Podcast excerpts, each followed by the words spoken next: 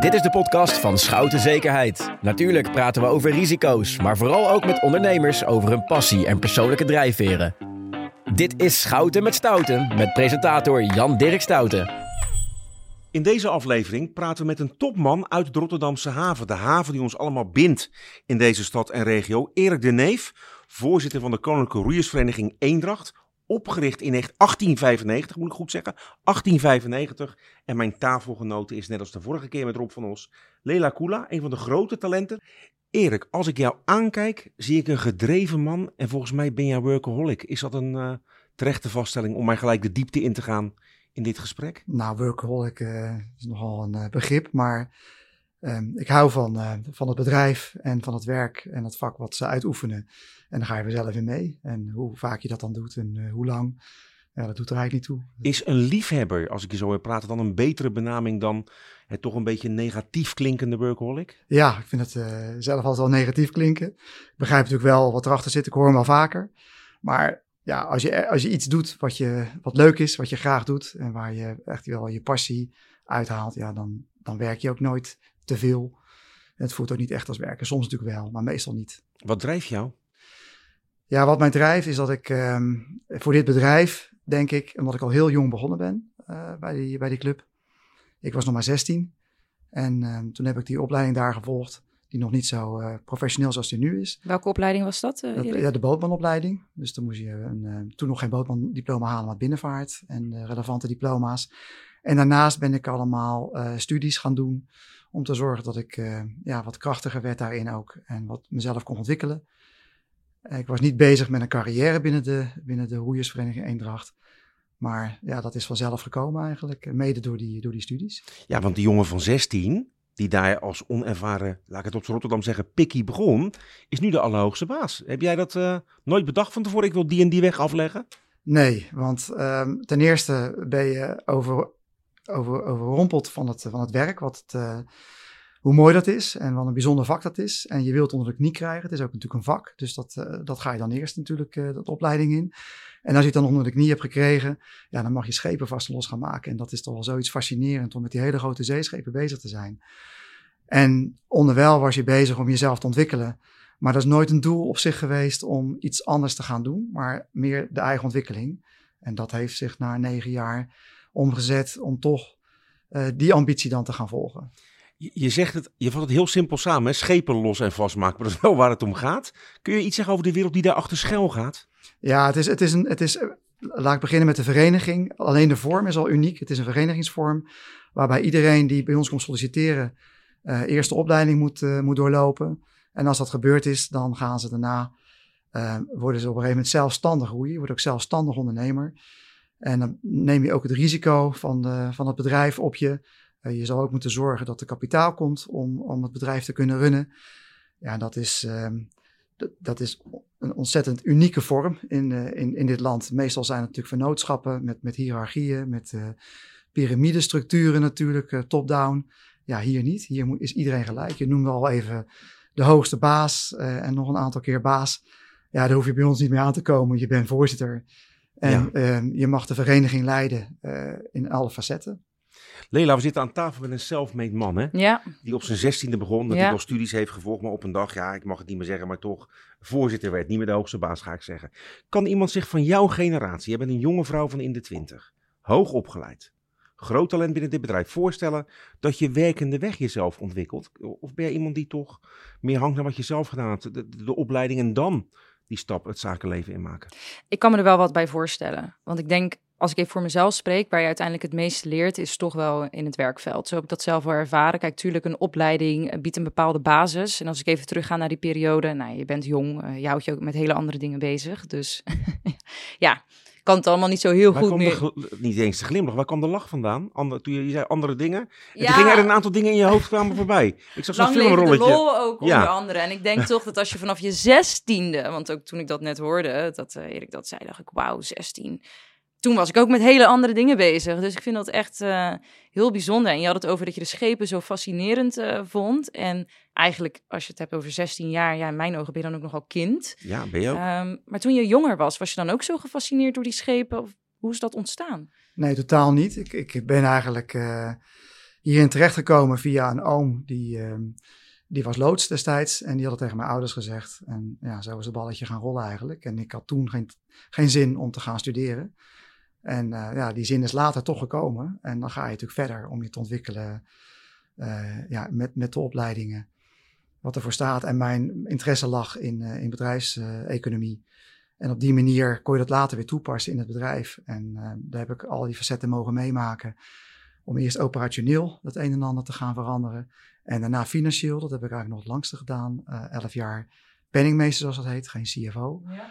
En ja, dan vervolgens word je gekozen door uh, de leden uh, als je verkiesbaar staat uh, als voorzitter. Dus alles is heel democratisch. Maar was er als jonge jongen wel een fascinatie voor die haven? Ja, kijk, ik heb, ik heb daar met, me, met mijn ouders gestaan um, toen ik 16 was op de kop van de Waalhaven. En dan zie je die roeiersbootjes in en uit varen. Ja, toen dacht je wel van, nou, dit, dit, dit is te gek. Dit, mm -hmm. dit wil ik gaan doen. En mm -hmm. Nou, dan mag je meedoen. En uh, ik vond toen de tijd werd ik al gegrepen, alleen al door het logo. Dat ik dacht van, uh, het was een sluiting. Vond ik al heel bijzonder. En uh, nou, later mag je dan meewerken om dat logo dan ook weer aan te passen. Dus ja, ontzettend leuke carrière. Um, die ik mijn eigen kinderen niet aanraad. Omdat ik dan zeg van, doe het andersom. Ga toch maar eerst studeren. Waarom? Ja, die weg is toch wel pittig. als je natuurlijk autodidact bent en je gaat zelf uh, eerst werken en daarnaast nog studeren. En dan vervolgens um, uh, die, die praktijkervaring erbij blijven doen. Je moet op een gegeven moment ook studiepunten gaan, uh, gaan halen. Dus je moet een stukje praktijkervaring elders gaan doen. Ja, dan wordt het best veel. Dan, dan is het best wel lastig. Dus andersom is dat het nog wel beter. Maar ja. ja dan had ik niet in, in, hier terecht gekomen, denk ik. Ik begon met workaholic, hè, maar toen maakten we er later liefhebben van. Maar sowieso praat ik met een gedreven mens. Dat is wel een terechte vaststelling, hè? Ja. Hebben die... Um kinderen. Hoe, hoe, kijken die ernaar, naar een vader die veel met zijn werk bezig is? Um, nou, die zijn het wel gewend. Die mm -hmm. weten niet beter. Um, maar ja, die, die zitten zelf in de huidige generatie natuurlijk, twintigers. En die zijn veel meer bezig om inderdaad uh, leuke momenten met elkaar mee te maken buiten uh, het werk. Maar ja, zij hebben nog niet gewerkt in het bedrijfsleven, dus dat, dat, dat weet je dan ook nog niet. Maar denk je dan niet, uh, wat ik me wel kan voorstellen, dat heb, ik, dat heb ik zelf toch allemaal dan gemist? Ik was misschien wel te veel met dat werk bezig.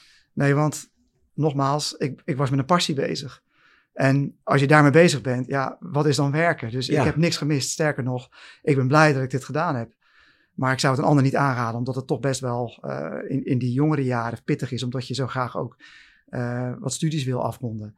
En maar uh, het is wel ontzettend leuk om het, uh, om, om, om als je terugkijkt, dat je het hebt mogen doen. Maar wel altijd, moet ik zeggen, bij ons in het bedrijf doe je het altijd met elkaar. En dat is zo sterk dat, uh, vanuit deze vereniging. Lela, zie jij een beetje daartussenin qua generatie? Want je hoort inderdaad van de huidige mensen die gaan werken, de huidige groep jongeren die gaan werken. Ja, ze willen twee, drie dagen werken, tijd hebben voor andere dingen. Een salaris niet meer maatgevend. Het gaat ook om de maatschappelijke waarde die een bedrijf heeft. Ja. Hoe zit jij daarin? Ik zit daar wel anders in. En uh, in die zin herken ik wel wat Erik zegt. En vorige keer uh, heb je mijn antwoord een beetje afgekeurd. Alleen, ik heb wel heel veel passie ook voor mijn werk. En dat is dan niet mijn grootste passie misschien echt in, in het leven. Maar ik heb ook heel veel passie voor mijn werk. Dus ik herken wel wat Erik zegt. Maar jij werkt gewoon fulltime? Ja, ik werk fulltime. En meer dan 40 uur of niet? Vaak wel, ja. ja. En dat vind ik ook niet erg. Ik bedoel, als ik een keer in de avond moet werken of in het weekend, dan is dat zo. Um, hè, van, vanmiddag, nu deze middag hebben we ook podcastopnames, dus daarom heb ik gisteravond langer doorgewerkt. Dus ja, daar, daar schakel je gewoon in, dat hoort erbij. Alleen wat Erik natuurlijk wel zegt, die maakt de kanttekening. Ik zou het nu niet aanraden, en misschien moet je me even corrigeren als ik het uh, verkeerd vertaal, Erik. Maar volgens mij wat je zegt, wat je niet zou aanraden, is dat je op zo'n jonge leeftijd ermee begint.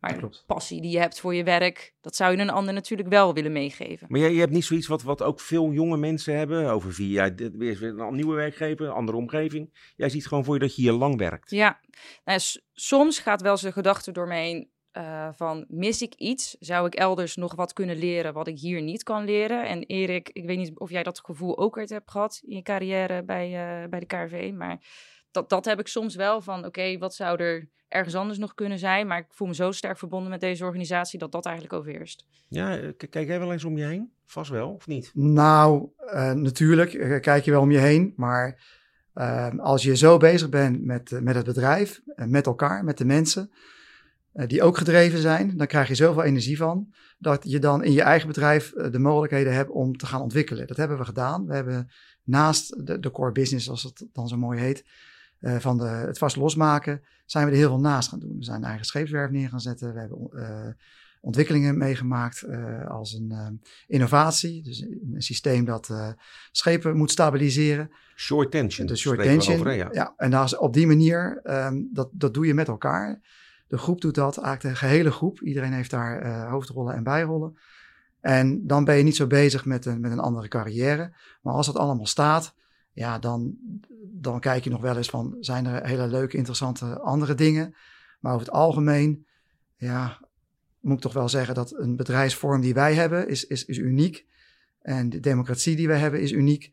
En de innovaties die we doen, ja, dat geeft zoveel plezier in het, in het werk. Maar ook de problemen die je tegenkomt, die je dan natuurlijk met elkaar probeert op te lossen. En dat, dat is ook mooi. Dus ik moet zeggen, die behoefte die, eh, die wordt dan wel een stuk minder. Schouten zekerheid staat voor echte zekerheid. Wat is dat voor jou, echte zekerheid? Nou eh, ja, echte zekerheid is natuurlijk de zekerheid die je kan bieden. Wat, wat in ons bedrijf betreft, eh, zekerheid voor de mensen dat ze een baan hebben. Dat ze ook een leuke baan houden. Dat ze met elkaar kunnen Mhm. mogen blijven werken. En dat je deelt met elkaar. Dat is ook een zekerheid die je hebt. Dat je, eh, wat er bij ons in het bedrijf ook gebeurt, ehm, alles wordt op een democratische manier gedeeld. En dat is een bepaalde zekerheid die wij in het bedrijf hebben. En als je kijkt naar Schouten, ja, wij kennen Schouten al zo lang. Eh, toen moest volgens mij Rob nog geboren worden. En zo, hebben natuurlijk vele mensen hier ook meegemaakt. en, maar het is wel vergelijkbaar, omdat de mensen die hier ehm, eh, gewerkt hebben en nog werken, eh, het verloop ook laag is. Dus die zekerheid dat je met elkaar eh, kan samenwerken, bijvoorbeeld binnen de bedrijven zoals Schouten en binnen het bedrijf wat wij hebben, maar ook met elkaar als Schouten en, en de roeiers, om het zo- uit te drukken. Dat is ook uniek, want wij blijven altijd met dezelfde mensen te maken hebben. En dat is toch wel een bepaalde zekerheid en een bepaalde veiligheid. In het vak van de mensen die in dit bedrijf werken gaat het om het afdekken van risico's. Hè? Heb jij, wat is het grootste risico dat jij persoonlijk ooit genomen hebt? ja, toch die eh, diversificatie van, eh, van de roeiers. Want je gaat iets doen met geld eh, en toestemming van, van die roeiers. En dat zijn er natuurlijk eh 300. En als dat natuurlijk niet goed gaat, ja, dan zou je moeten verantwoorden waarom het niet goed gegaan is. En dat is wel uitdagend. Het, eh, om dat tegenover al die leden te verantwoorden dat, het, dat iets niet goed gegaan is. Zijn er dingen waar je wakker van ligt? Ja, kijk, waar ik wakker van ligt is, ehm, lig is, is als je eh, als het hard stormt s'nachts en eh, nare weersomstandigheden of ijzel, ja, dan word je daar wel wakker van. Eh, of je gaat dan naar bed met de wetenschap dat het gaat ijzelen. Ja, dan hoop je maar dat alles goed gaat en dan ben je wat alert op je telefoon. Dan slaap je wat onrustiger. Dat is mijn grootste zorg. De, de mogelijke ongelukken die kunnen gebeuren met de mensen zelf. Ja, dit is een zakelijk antwoord en dat snap ik hè. Lig je privé wel eens ergens wakker van? Ehm, nou, dat, nee, gelukkig niet. Nee? Nee. Gaat alles goed? Ja, gaat allemaal eh, Ja. stabiel. Nooit Zekerheid. zorgen, nooit zorgen gehad. Nou ja, tuurlijk. Je maakt allemaal wel eens wat mee in je, in je privéomgeving. eh, als het gaat om eh, die impact hebben eh, wat betreft eh, ziekte en alles. Maar goed, dat is uiteindelijk, als het dan weer goed komt, dan, dan ben je een tevreden mens. Ja. Ja. Dus ja. ik ben privé een tevreden mens. En mijn gezin ook. En dat geeft ook heel veel ruimte om je te kunnen blijven ontwikkelen in je, ja, in je werk. Ja. En iedereen steunt je daar ook in, van huis uit. Cliché. Maar wat ik, zeg, wat ik net zei over het, over het werk, wat je wakker houdt, dat is echt zo. Ja. Maar ik denk ook bij ons meerdere bestuurders, eh, omdat die dan zelf niet meer in dat eh, arbeidsproces eh, deelnemen, dat ze dag en nacht met die dorsten in de weer zijn. Houd je dat wel bezig als het, als het heel hard gaat waaien of in ieder geval een weersomstandigheid waarbij het toch wel spannend wordt. Bij iedere gast in deze serie, begon dus met Rob van Os, de hoogste baas van Schouten Zekerheid, hebben we een soort prikkelende vraag of stelling. En bij hem was de vraag Ajax degraderen of Feyenoord kampioen. Hij koos overigens voor het eerste. Maar bij jou is eigenlijk de vraag van, of, of een stelling, iedere voorzitter heeft een houdbaarheidsdatum. Hoe zit het dan met die van jou, Erik? Ja, dat, dat is geheel aan de leden. Dat is ideaal. Die, Dat is een eh, politiek antwoord. Nee, die plakken elke keer eh, je houdbaarheidsdatum erop. Dus je, je hebt al verkiezingen natuurlijk. Ja? Maar als de leden eh, eh, goed zijn met je en eh, jij doet het netjes, je legt altijd verantwoording af. Dat is eigenlijk de mooiste. Dat mag vorm. onbeperkt doorgaan. Kijk, Rob van Os hier, die kan zijn dingen doen en daar kan je wat van vinden. Maar invloed heb je niet. Dus we moeten hem een beetje duwen natuurlijk. Beschuldig jij nou de heer Van Os van een Noord-Koreaans bestuursmodel? Nou, dat weet je wel eigenlijk, ja. Hey, Dus die moet je er echt afwerken dan. Ja. Hoe lang eh, eh, ben je nu al voorzitter en hoe vaak ben je dan al eh, verkozen? 2015 ben ik eh, voorzitter geworden. En ehm, ja, ik word nu straks eh, in het najaar of het voorjaar word ik dan weer eh, mogelijk herkozen. Of Voor zeven jaar dan? Ja, dat hangt er vanaf. Het aantal bestuursleden is bepalend voor het eh, aantal jaar dat je voorzitter bent of bestuurlid bent. Maar kun jij je voorstellen dat er dan toch een fase komt waarin je ook zelf denkt: het is beter voor die vereniging als iemand anders het gaat doen? Ja, nu doe ik een uitspraak. Dat zit je natuurlijk op te wachten op een leuke uitspraak. Maar ehm, als Niet voor mij, maar voor die honderdduizenden luisteraars. Ja, ik zeg ook van als voorzitter in onze vereniging dan eh, hoor je niet als voorzitter met pensioen te gaan. En daarmee wil ik zeggen dat je voor die tijd al eh, iemand in beeld moet hebben eh, die dat van je over kan nemen. En dat is ook heel belangrijk, dat je tijdig je terugtrekt om te zorgen dat, dat nieuwe generaties verder kunnen. Hoe jong ben jij? Ik ben nu 51. Oh, Ja, dus je kan nog even mee, Kan maar voor die door. tijd moet je zorgen dat je ja, met nieuwe eh, ja, mensen die ambitie hebben en die de competentie hebben doorgaat. En als dat nu al komt, wij zijn een vereniging. Hoe mooi is het als het, als het er nu al is en je zou dat nu eh, al kunnen inzetten. Dus bij mij had je de kans gekregen. Had ik de kans gekregen, had ik al, was ik al voorzitter Was je geweest. voorzitter geweest? Ja. nou, ik denk dat we, maar gaan, we gaan ongeveer naar een afronding toe. Erik, toen ik jou belde om dit gesprek voor te bereiden, toen vroeg ik: heb je nou nog dingen buiten je werk die je bezighouden? En toen zei je: ja, eigenlijk niet. Het gaat mij om, ook van de zomer, heb vertelde je, blijf je hier in Nederland Ja, om beleidsplannen voor volgend eh, jaar te maken. ja, voor de, na de zomer. Ja, ideaal toch? Ga toch iets leuks doen, man, denk ik dan. Ja, maar dat is toch Ga naar een camping in Italië, ga van kletjes afduiken, weet ik veel wat je gaat doen. Maar Ja, nee, dat, ik, ik heb ook eh, veel uitnodigingen eh, om me heen en dat geeft voldoende. kletjes afduiken is trouwens heel gevaarlijk, bedenk ik. Maar dat maak ik Ja. al- als voorbeeld om iets anders te doen. Ja, Maar nee, jij gaat in de, in de zomer gewoon, als iedereen weggaat, ga jij ik, neem wel een aantal dagen natuurlijk, ja, wat heet verlof. Ja. Om te zorgen dat je even wat, wat anders gaat doen. Maar ja, als dat niet nodig is, dan heb je volgens mij wel getroffen met een, eh, met een leuke baan. ja, tuurlijk. Maar Dus hoe, voor ontspan, mij hoe ontspan je dan? Ja, in je werk, met het uitwerken. Als, als daar straks een mooi plan klaar ligt en je hebt weer goede dingen op papier weten te, eh, terecht laten komen. En de zomerperiode is voorbij, je kan daar weer aan gaan werken. Ja, dan geeft dat natuurlijk met elkaar geeft dat veel voldoening. En als je dan met pensioen bent, nou, dan kan je eens gaan nadenken van eh, wat ga je dan allemaal nog anders doen. En dan ga ik toch wat zeggen. Ik ken zoveel mensen die een leven lang hetzelfde hebben geroepen. En die houden dan pensioen niet. Nou, dat kan ook. Dan heb ik gelukkig, kan ik in ieder geval zeggen dat ik genoeg gewerkt heb. Ja. Zou je dat dan Wat niet als een nou risico... ja. Wat, wat vinden we hier nou van? Nou ja, als we het even hebben over risico's, zou je dat dan niet als een enorm risico zien, eh, Erik? Hè, ik, ik begrijp nu uit je verhaal dat je misschien op dit moment ook de behoefte niet hebt om dan andere dingen te doen. Of, eh, nou ja, goed, hè. Eh, noem maar iets aan ontspanning. Ehm, maar inderdaad, je hebt het nu heel concreet over, dat komt dan wel met mijn pensioen. Is dat dan niet inderdaad uitstellen? Te veel risico? Nee, nee, zo voel ik dat niet in ieder geval. Ik doe voldoende leuke dingen. Maar dat kan ook, eh, vaak is het ge- gecombineerd met het werk. En ja, als je daar plezier uit put, is, is dat voldoende. Maar ik ben me wel bewust van het risico dat er voldoende opvolging moet zijn.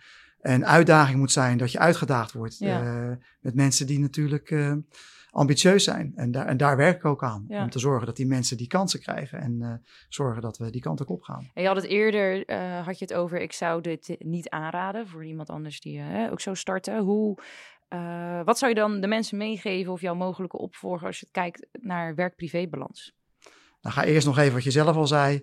Even nog wat dingen eh, naast het werk doen. Dat je, want dan weet je nog niet wat precies dat werk gaat inhouden en hoe je carrière eruit gaat zien. Eh, dus als je dat nog niet weet, dan kan je beter daar nog wat meer de tijd voor nemen. En dat, eh, dat rijp je dan natuurlijk ook wel wat meer. En dan pas eh, eh, je carrière achterna gaan jagen als je dat leuk vindt. Ja, Is er nog iets niet gezegd wat wel gezegd moet worden, Lela? dat is een hele goede vraag. Nee dus? Nee. Jij Erik? Nee, nou ik hoop dat... eh, je hebt van mij het, het, het roeiersboek gekregen. Ik hoop dat Ja. je met plezier gaat Ik, lezen. ga, ik, ik vind dat, het je wat, dat je wat meer gaat weten van, eh, van Ziet er dit geweldig prachtige uit.